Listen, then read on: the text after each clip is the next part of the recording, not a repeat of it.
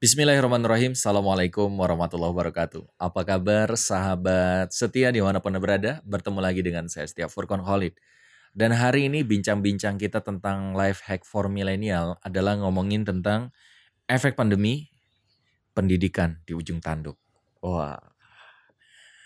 Apakah Anda masih kuliah sekarang? Kuliahnya online kan?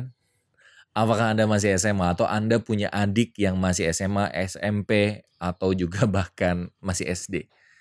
Hari ini dunia pendidikan sedang kebingungan karena kita belum mempersiapkan dan mungkin juga belum siap untuk menghadapi online school.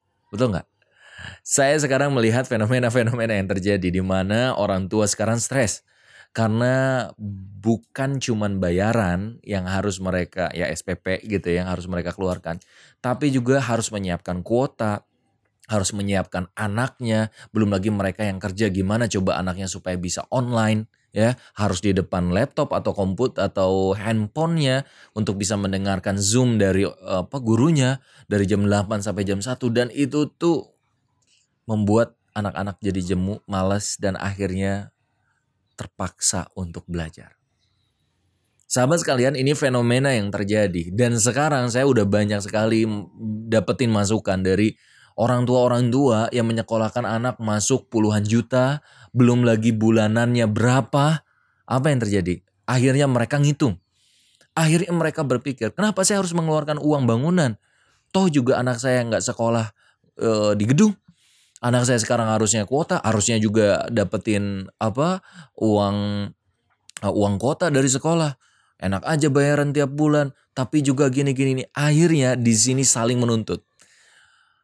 Sekolah atau juga kampus nggak mau juga kehilangan dana dari peserta didiknya, tapi juga peserta didik, mahasiswa dan yang lain, orang tua dari mahasiswa atau orang tua dari siswa akhirnya berpikir ulang. Kenapa sih sekolah harus seperti ini semahal ini? Kan kita nggak harus ketemu. Kan kita juga nggak harus gini gini gini. Akhirnya teman-teman semua di sini dimulailah ketidakberkahan dalam pendidikan. Saya bilangnya ketidakberkahan dalam pendidikan. Kenapa? Karena kalau pendidikan akhirnya dikomersialisasi, yang berpikir bahwasanya semakin mahal sebuah sekolah berarti itu semakin keren, semakin kece. Menurut saya ini sudah hilang esensi dari pendidikan itu sendiri. Bukan artinya harus gratis, bukan. Bukan artinya tidak boleh mahal, bukan. Tapi esensi dari pendidikan bukanlah tentang berapa uang yang kau berikan dan berapa yang aku harus dapatkan. Tapi yang terpenting adalah ini main frame yang harus dipahami teman-teman semua. Di bawah pohon yang rindang, ketika ada seorang guru ikhlas, guru berkualitas, maka akan terjadi pembelajaran.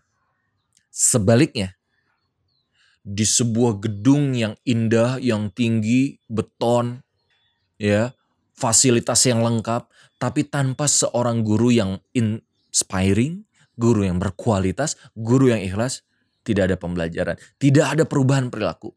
Kalau Anda pikir guru hanya cuma mengajar, maka oke okay, sampai sana. Tapi kalau guru adalah transfer bukan cuma knowledge tapi juga attitude, transfer karakter, itu susah untuk terjadi. Hari ini banyak orang tua yang terjebak di sana. Orang tua yang menghabiskan uang puluhan juta, ratusan juta agar anaknya berhasil, agar anaknya pinter, agar anaknya cerdas. Tapi apa yang terjadi? Anaknya tidak punya kemandirian. Anaknya juga ternyata tak punya semangat untuk bisa mencapai cita-citanya. Sekolah cuman jualan ijazah. Akhirnya apa yang terjadi? Orang tua berhitung. Kalau cuman ijazah aja, akhirnya orang tua berpikir, Gimana kalau kita ngambil homeschooling aja? Kenapa enggak nanti aja kita buat persamaan? Sahabat sekalian, bukan salah sekolahnya, tapi sistem yang harus kita perbaiki bersama. Dari mulai sistem rekrutmen guru, dari mulai sistem bagaimana pengembangan karir guru, bagaimana memilih kepala sekolah yang bagus, bagaimana kurikulum yang tidak membebani siswa, ya bagaimana siswa juga belajar dengan fun. Bukan karena keterpaksaan bukan karena desakan dari orang tua agar dia semangat belajar agar dia banyak baca. Maka nanti kita akan bahas mungkin di stage selanjutnya tentang bagaimana kita yang terpenting dari anak adalah mencintai belajar. Lifelong education, lifelong learning. Kalau sekarang anak berpikir bahwasannya belajar cuma di sekolah, maka keluar dari sekolah ia tidak akan pernah belajar lagi. Ketika ia harus belajar matematika misalnya dengan textbook yang begitu memberatkan siswanya, apa yang terjadi? Bisa jadi ia selesai nilai bagus tapi dia tidak mencintai matematika, wajar kalau akhirnya logika berpikirnya tidak jalan. Kalau anak dijejali untuk bisa baca, Jangan harap nanti ketika dia dewasa dia jadi semangat baca. Di Indonesia semangat baca kita minim banget. Ya, ada presentasinya tuh. Ternyata Indonesia ini less banget, ya. Orang yang jarang baca, makanya kita mudah ditipu orang. Kenapa? Ya karena kita kurang baca. Kenapa kurang baca? Ditarik mundur lagi. Boleh jadi orang tua memaksakan anaknya untuk belajar. Guru menekan anak muridnya untuk bisa membaca, untuk bisa belajar. Tapi anak nggak punya kecintaan. Saya punya anak-anak, alhamdulillah anak-anak saya nggak harus disuruh untuk baca, belajar, tapi mereka justru yang nagih. Mereka senang baca dan mereka ingin selalu ada buku-buku baru. Kenapa? Karena mereka udah cinta. Padahal masih 8 tahun, 7 tahun, 3 tahun. Tapi sebaliknya gitu, kalau nggak ada keteladanan dari guru, guru jarang baca, orang tua juga jarang baca, bagaimana anak akhirnya keranjingan membaca? Kalau kita nggak pernah membawa anak ke toko buku, membelikan buku terindah buatnya, bagaimana mungkin anak akhirnya haus dengan bacaan. Padahal buku adalah gudangnya ilmu. Nah, di sini aja frame berpikirnya sudah harus diperbaiki.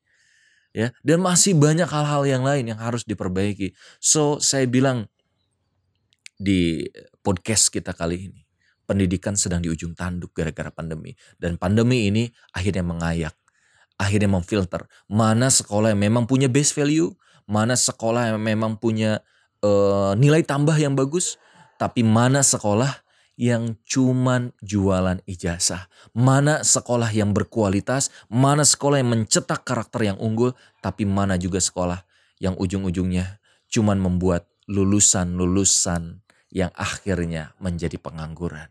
Ingat, sekolah bukan cuman mencetak para pekerja, tapi sekolah seharusnya mencetak insan yang benar-benar sempurna.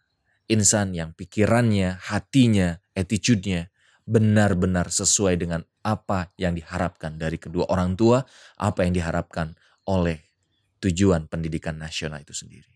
Yuk kita sama-sama mengevaluasi diri, Anda orang tua, atau Anda juga seorang peserta didik, atau Anda juga adalah seorang uh, pejabat yang punya kekuasaan untuk memanage pendidikan di Indonesia. Yuk kita bangun pendidikan Indonesia. Karena pendidikan adalah cikal bakal kebangkitan sebuah bangsa.